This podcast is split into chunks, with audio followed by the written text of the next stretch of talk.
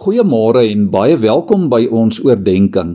Jy is ook baie welkom om die res van die week so saam te luister.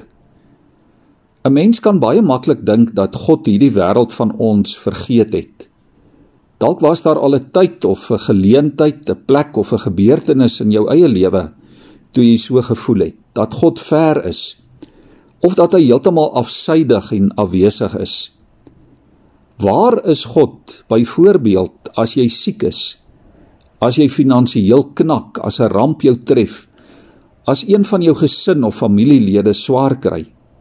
Dalk het jy al gewonder of God nie te groot is of te ver of te besig om hom met hierdie wêreldse probleme te bemoei nie. Die koronavirus laat baie mense nogal so dink dat God ons vergeet het.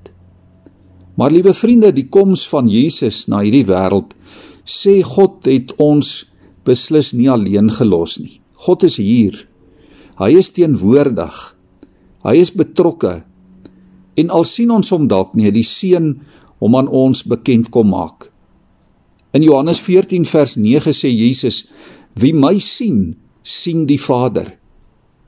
En dit is jou en my troos. Jesus is die bevestiging dat God by ons is. Daar was eendag 'n arme man uit die platte land wat sy siek seentjie na die hospitaal in die stad moes vat vir behandeling.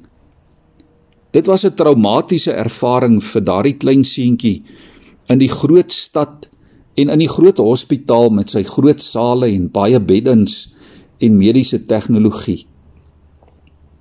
Die pa moes sy seentjie daar los tussen die wit lakens en die bedrywige aktiwiteite in die hospitaal by vreemde verpleegsters en dokters. Sy hart wou breek toe hy sien hoe verward en bang sy kind lyk. En toe haal die pa sy ou groot plaashoed af. En hy gee dit vir sy kind om so lank vas te hou totdat hy weer terugkom vir besoektyd. En so is daardie seentjie getroos en het hy met sy pa se hoed onder die komberse styf in sy arms aan die slaap geraak. Ja, liewe vriende, jy en ek leef in 'n onsekere wêreld. Ons leef in 'n onsekere tyd. God gee vir ons iemand om aan vas te hou. Hy gee vir jou sy eie seun. En in Christus kom hou die Vader jou vas. Hy gee homself vir jou. En daarom is hy Immanuel. Hy is God by jou. Onthou dit vandag. Onthou dit in hierdie tyd en in jou omstandighede. Die Here is by jou. Hy vergeet jou nie. Ek lees vir ons vanmôre uit Matteus 1 vers 18 tot 25. Die opskrif: Die geboorte van Jesus Christus. Hier volg nou die geskiedenis van die geboorte van Jesus Christus. Toe sy moeder Maria aan Josef verloof was, nog voordat hulle getroud was, het dit gebleik dat sy swanger is. Die swangerskap het van die Heilige Gees gekom.